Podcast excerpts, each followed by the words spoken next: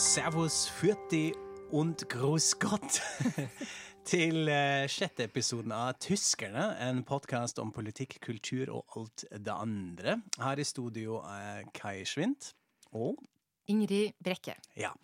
Eh, og så har vi jo to nye ting i dag. Eh, det første var kanskje at jeg eh, snakker bayerisk i begynnelsen. Det kommer vi litt tilbake til. Men vi har også fått en ny introlåt som vi er veldig glad for. Den ble spilt inn av pianisten Sindre Saulia på Westerdals høgskole på en kjempefin, stor flygel. Uh, og av selvfølgelig en kombinasjon av Furelise fra Beethoven. Da prøver vi å være litt sånn kulturradiotung. Men også uh, Nena, 99 Luftballons, som er også veldig tysk. Uh, og så har vi kanskje en liten overraskelse i sluttmusikken òg. det er vi som sagt veldig glad for. Uh, vi skal eh, snakke i dag annet om eh, Echo, det tyske Spellemannsmusikkprisen. Men først handler det som sagt om Bayern, Ingrid, ikke sant? Ja, det gjør det. Og det gjør det eh, mest kanskje akkurat nå på grunn av Horst Seehofer. Ja. Denne eh, mannen som er litt sånn eh, større på alle vis enn de fleste politikere. Eh, han har igjen vært ute med en eh, provokasjon. Han har jo blitt eh, ny innenriksminister. Eh, og noe av det første han gjorde, det var å erklære at eh, islam gehört nicht zu Deutschland. Altså, islam, det hører ikke til i Tyskland. Nei. Eh, og denne litt pussige måten å formulere seg på, det har blitt en sånn tysk greie. Altså, det er sånn man klargjør hvor man står hen i, i litt sånn innvandrings-, multikulti-spørsmål. Og den første som brukte dette uttrykket, det var jo da Christian Wolff, tidligere president, som nettopp sa det motsatte, altså 'islam gehört zu Deutschland'. Og da ble det en kjempedebatt. Og mens, så dette har liksom gjentatt seg på litt sånn forskjellige måter. Da. Og nå sa CO for dette, og den nåværende tyske presidenten Steinmeier, han har da allerede Han erklærte ganske kjapt at for han var det altså fortsatt som for Wolf, nemlig at det tilhører. Ja. Og vi som er borgere av Tyskland, vi må liksom være med i den rare måten å bruke dette. Dette er jo ja, litt sånn typisk Seehofer, egentlig, kanskje. Å henge seg på en sånn litt, eller veldig populistisk formulering, som er selvfølgelig kanskje inspirert av flyktningkrisen. Ja, den føyer seg jo inn i en sånn lang rekke av, av uh, Den føyer seg inn i holdninga han pleier å vise, da, og en politikk han har ført og sånn. Sånn at sånn sett er det jo ikke noen overraskelse. Men det er kanskje noe med at han velger å fortsette å snakke som om han er i valgkamp, selv om han nå da har blitt innenriksminister. Men kanskje jeg først skal si litt om hvem er nå egentlig denne mannen. Ja. Eh, han er da Jeg kan jo begynne med å si hva var mitt første liksom, eh, møte med han. Eller ikke akkurat et møte, men jeg skrev nemlig om han i 2007. Det var noe av det første jeg gjorde for Aftenposten eh, i Berlin. Og da ble det nemlig kjent at Horst Seehofer hadde fått et barn utenfor ekteskap. Og dette var veldig dramatisk. Og det var dramatisk på to måter. Selvfølgelig fordi han hadde det, og han er jo fra Bayern og katolikk og hadde kone og tre barn og sånn. Men, men, også fordi at i, i, tysk presse har man det samme som i norsk, egentlig. At man snakker ikke, eller man offentliggjør ikke ting som hører til privatlivet, da. Så når, at Bildzeitung sprakk dette, var jo en, en sensasjon også på grunn av det. Og argumentasjonen deres var jo det at han selger seg inn som en sånn solid familiemann og spiller på dette katolske, tradisjonelle imaget, og da må han finne seg i at det blir kjent når det viser seg at uh, livet ikke samsvarer med mm. idealet, da. Ja. Eh, og så andre skrev jo også om det, og det var lenge spennende om han skulle bli eller gå. Og for meg var det jo kjempegøy å få skrive om sånn kjendissladder, som jo dette på en måte er, da. Og han ble jo hos kona. Og han ble jo også året etter eh, leder for eh, CSO og statsminister i Bayern, og det var han da begge deler, helt fram til nå. Mm -hmm. eh, og nå sitter han da i regjering, og han er den eldste i regjeringa. Han er født i 1949. Eh, han er, har også en lang historie med Angela Merkel.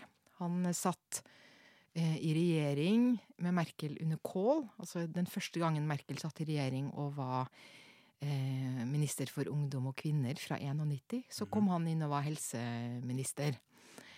Eh, så de har en lang eh, historie sammen, og et eh, dybdepunkt, kanskje, som spikra seg inn i oss alle, det var jo eh, midt under flyktningkrisen. Eh, Seehofer tok jo veldig klar avstand til Merkels flyktningpolitikk. Og hun besøkte da eh, eh, CSO sitt møte, eh, landsmøte i Bayern, eh, 2015, var vel det på høsten. Og måtte stå sånn helt ydmyka på scenen i jeg tror kanskje det var et kvarter, nesten 20 minutter eller noe sånt. Det var veldig lenge. Eh, og bli skjelt ut eh, for åpent kamera, da. Eh, og hun er jo veldig liten, og Horst Seehofer er veldig stor. Så det var mange, på mange plan var jo dette en helt grusom greie. Og han fikk jo også mye pepper for det etterpå, da. Ja, Han fikk det. Men det viser jo også litt hvordan hva slags kultur man har innenfor CSU. Altså, dette er jo et parti som har blitt styrt av menn, eh, hvor, det er veldig, hvor det er veldig få kvinner som har noe å si. Eh, og det er ofte en sånn alfahane-kampstemning Ja. der. Og sånn bi, bi et telt, altså øl-telt-stemning, som er kanskje motsatt enn det som eh, Merkel fungerer som politiker. Så det var også sånn spesielt clash Ja. mellom, mellom de to, da, også med, med den situasjonen som mange husker. Ja. Mm. Ja, nei, absolutt, altså. Uh, dette er jo noe med, med kanskje hvordan uh, Det er enda et eksempel på hvordan alt som skjer i Bayern, ikke bare henger sammen med nasjonal politikk, men også eh, først og fremst kanskje med seg selv. Og at hele flyktningkrisen var jo også en slags kamp eh, for Seehofer eh, mot AFD i Bayern. Eh, og de markerte seg så mye lenger til høyre eh, enn en eh, CDO. Eh, ikke minst på, på grunn av det. Og det kan kanskje være en forklaring på hvorfor han starter så hardt ut nå på akkurat det samme temaet. Eh, når han eh, likevel har, han har kommet seg selv inn i rikspolitikken, men det er fortsatt eh, CSO som er prioritet nummer én, og Bayern som er prioritet nummer én. Og der er det jo valg til høsten. Mm. Så det er jo sånn som man kan spekulere i hvor annerledes eh, om, om tysk politikk hadde vært litt annerledes hvis valget i Bayern hadde kommet etter de nasjonale valgene. Nei, hadde kommet før de nasjonale valgene, sånn at man fikk unna det derre markeringsbehovet. Eh, og kunne slappe av litt mer når det var nasjonal valgkamp. Men sånn er det altså ikke, så dette sliter man med. Ja, så er det jo noe med denne særstillingen av Bayern eh, hele veien. Altså jeg eh, må innrømme, jeg er veldig preget av det òg. Jeg er som sagt fra Frankfurt, fra Hessen, som har en delstaten som grenser til Bayern rett i nord, og noen av de første minnene, egentlig. Eh, eller ikke de første minnene, men noe som har gjort veldig stort, uh, stort inntrykk, var når jeg hadde fått lappen, og vi skulle ta oss en biltur med noen venner sørover til Bayern. Så var det første som skjedde, at vi ble, ble kontrollert av bayerisk autobahnpolizei. Uh, politi som da skulle sjekke lappen, og vi fikk det fantastiske spørsmålet Har de bomber om bord? okay. Som jeg tror skulle være Vi tror det var litt tull og ironisk, men eh, jeg tror ikke det var det. Eh, og så det, har det vært en sånn tradisjon at i Bayern er man veldig skeptisk mot hessen. Da det, uh, har det vært sosialdemokratene lenge, og det er litt sånn hippie, og skoler er ikke så bra som i Bayern og alt det der. Bayern er mye mer konservativ. Så, uh, og det gjelder nok kanskje resten av Tyskland òg, at man er veldig preget av dette bildet med konservative, erkekonservativ, katolske Bayern. Man har jo det splittet at Sør-Tyskland er katolsk, og andre delene, altså Nord-Tyskland og øst, er protestantisk. Og det preger mentalitet, på godt og vondt, eh, som er litt interessant. Men så må man jo være rettferdig og si at det finnes også eh, et annet eh, bilde av Bayern, nemlig det som er kanskje mest kjent i utlandet, det med gemütlichkeit. At det er koselig, at det er god mat og fine landskaper, og folk er hyggelige og litt sånn tradisjonelt, og det er lederhosen og øl og pølse til frokost. Veldig store øl, da. Veldig store øl, weissbier og uh, weisswurst til frokost. Uh, og det er jo veldig hyggelig, og det fins jo òg, i tillegg at man også har egentlig en ganske sånn underholdende og fin eh, tradisjon av kunst og kultur. Da eh, det finnes mange veldig folkekjære og kjente skuespillere og forfattere og humorister som kommer fra, fra Bayern, spesielt München, eh, som, som, selvfølgelig også har preget eh, Tyskland, og som er del av eh, av dette bildet. De er litt sånn glamorøse òg, eh, av og til. Ja, det, jeg, det, husker jeg nemlig veldig godt. For ja. jeg var satt på kafé i München. Eh, og så så jeg det kom, eh, kom mange mennesker i gallaantrekk inn på kafeen. Så jeg gikk jo bort og spurte da hva det var som skjedde. Nei, de skulle bare i operaen. Og det var ikke premiere engang, det var bare at Nei. de skulle i operaen. Og da tar man på seg eh, fotsid silkekjole og smoking ja. og full baluba og tar den helt ut, da. Mm. Ja. Da må vi pynte oss når vi skal vi til operaen. Ja.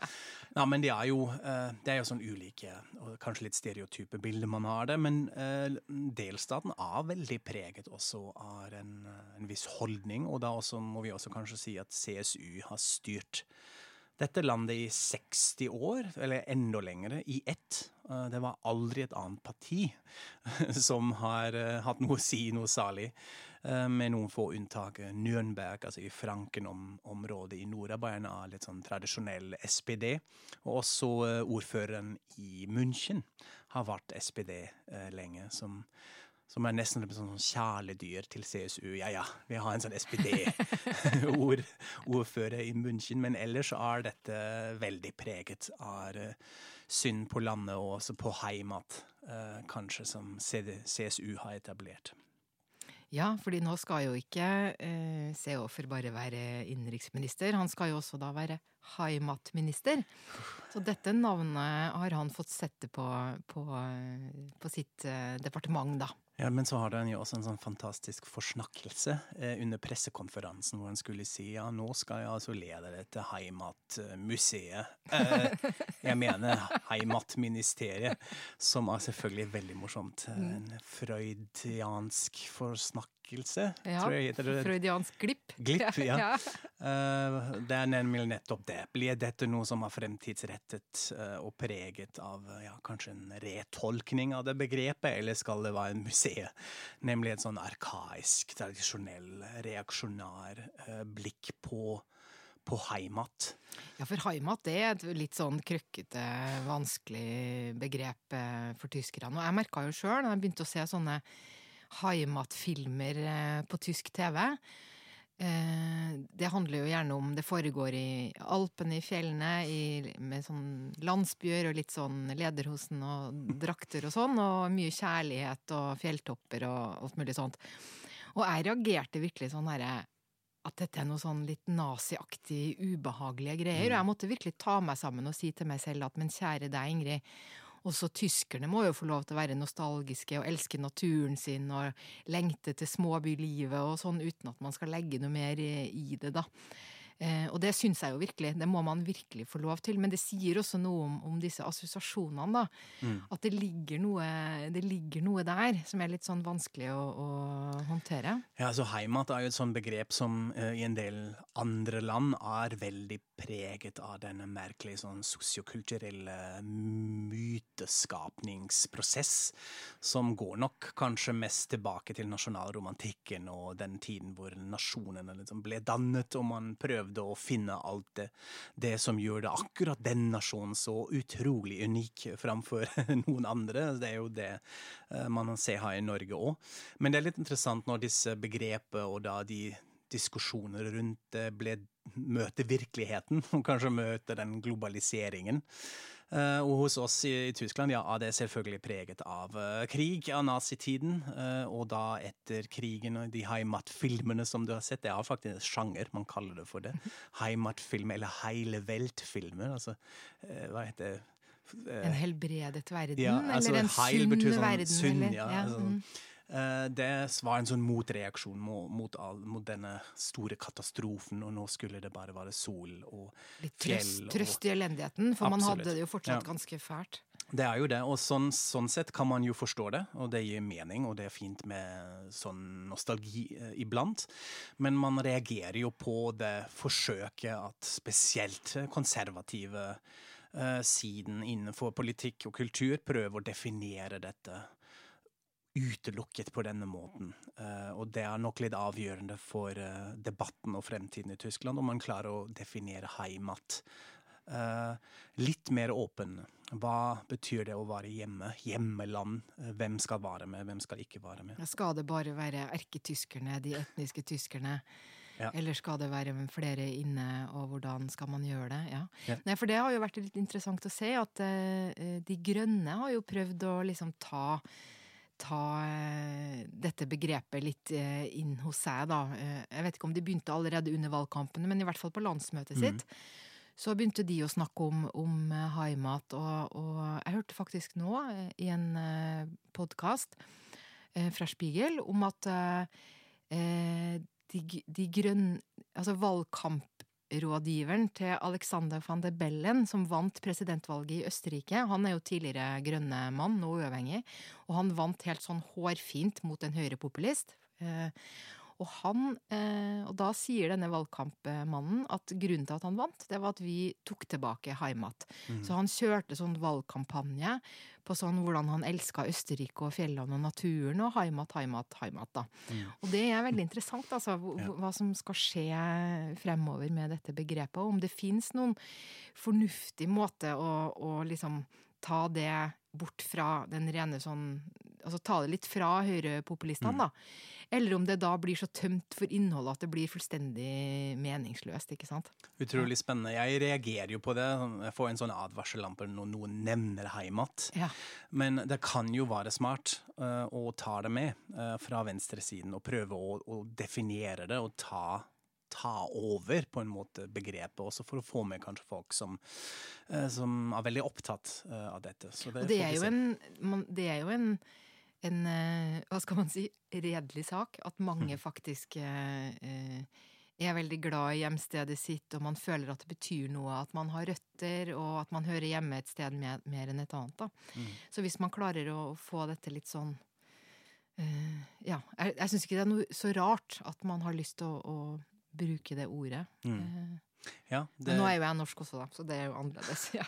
ja, den debatten fungerer kanskje litt annerledes her eh, rundt dette. Men ja, i Tyskland blir det i hvert fall spennende om det blir uh, ministerium, eller om det blir museet. det, det, får vi se. Og vi kommer vi sikkert se. tilbake til, eh, til Horst Seehofer. Ja, eh, nå noe helt annet. For nå, Kai, nå skal du fortelle oss om hvor grusomt det står til med tysk popmusikk.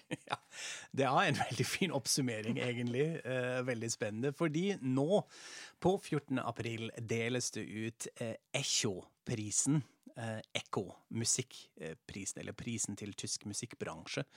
Som er egentlig liksom Spellemannsprisen på tysk. Eh, og det er hvert år eh, stor eh, debatt rundt dette. Fordi eh, man konstaterer for det meste hvor elendig popmusikken er i Tyskland. For det meste da altså den tyske popmusikken. Vi har jo alt mulig musikk. Men uh, tyske artister som synger på tysk og opptre på tysk, uh, osv.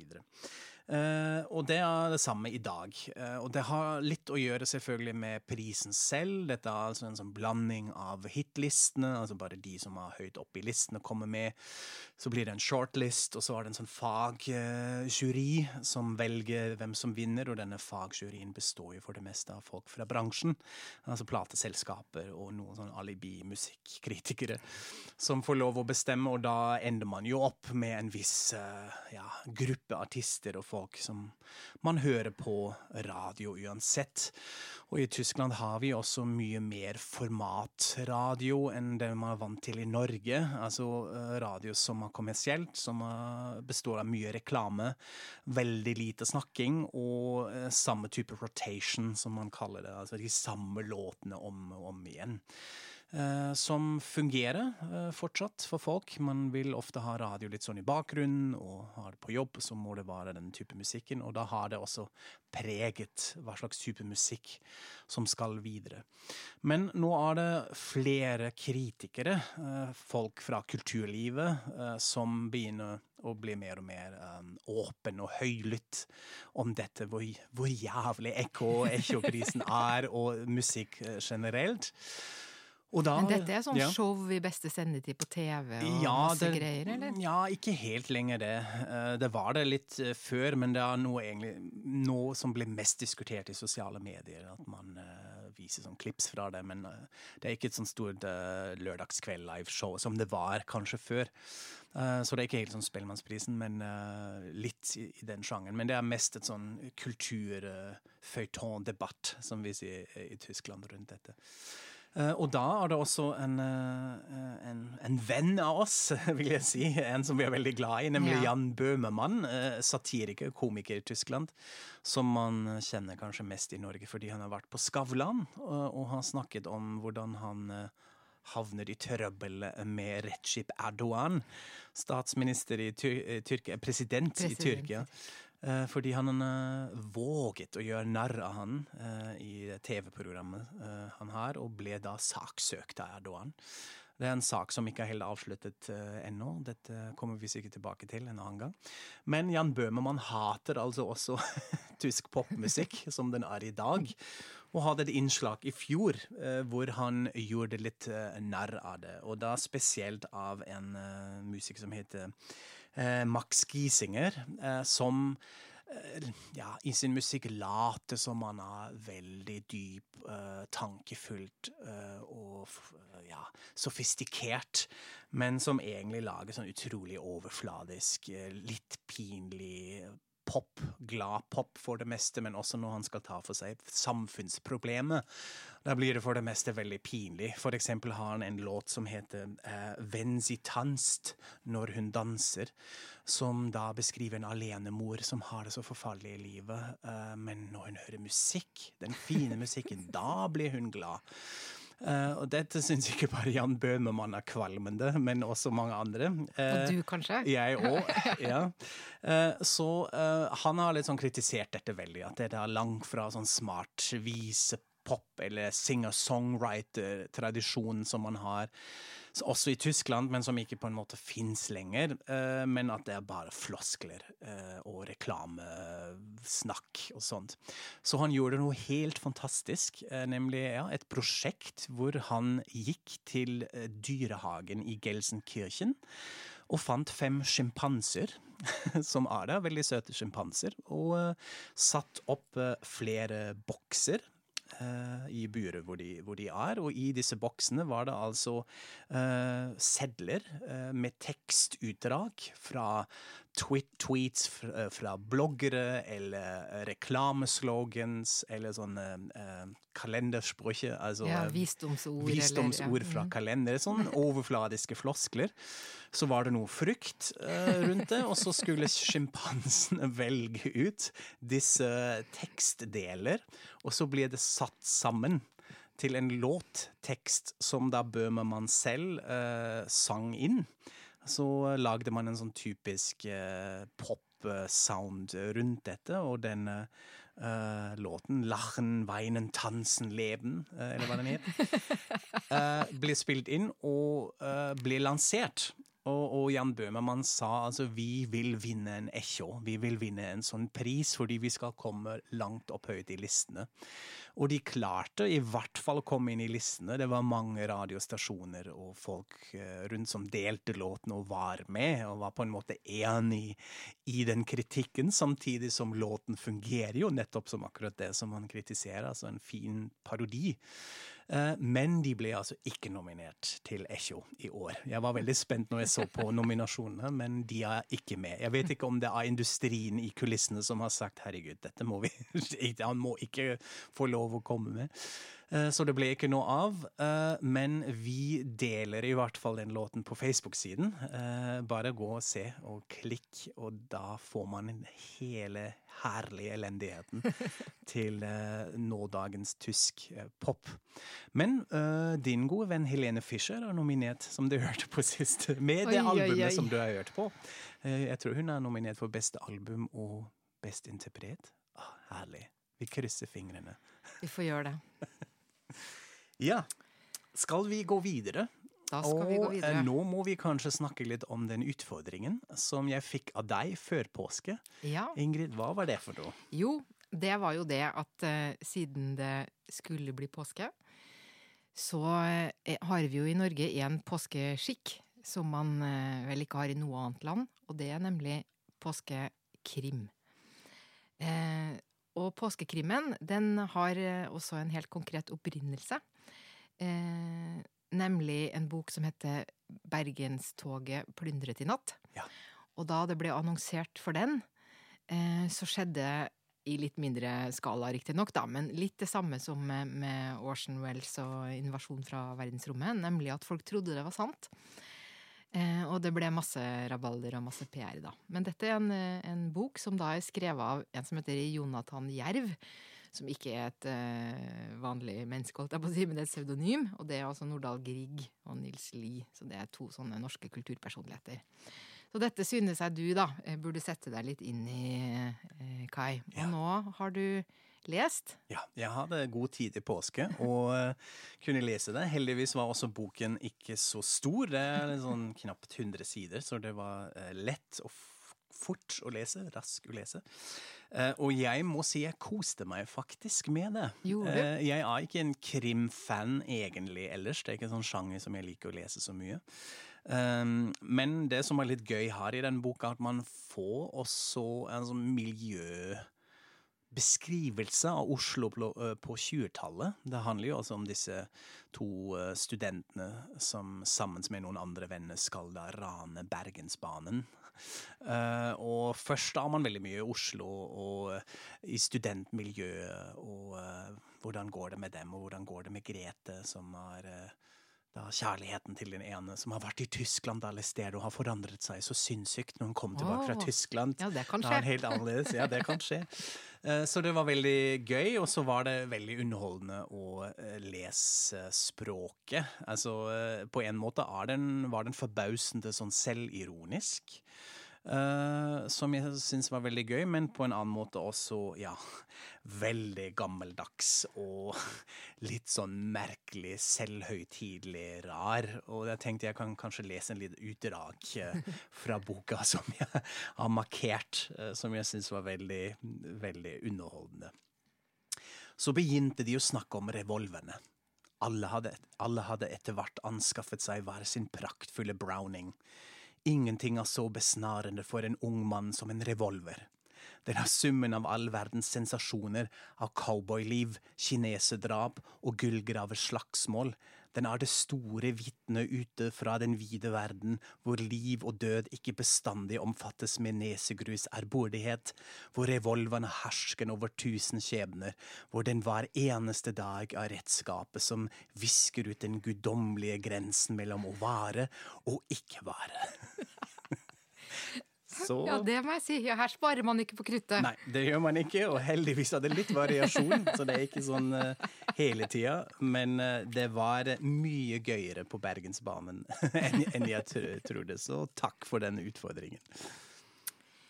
Ja, eh, da kan jeg eh, fortelle våre eh, lyttere at hvis noen har lyst til å oppleve oss eh, i levende live, så skal vi jo til Bergen. Mhm.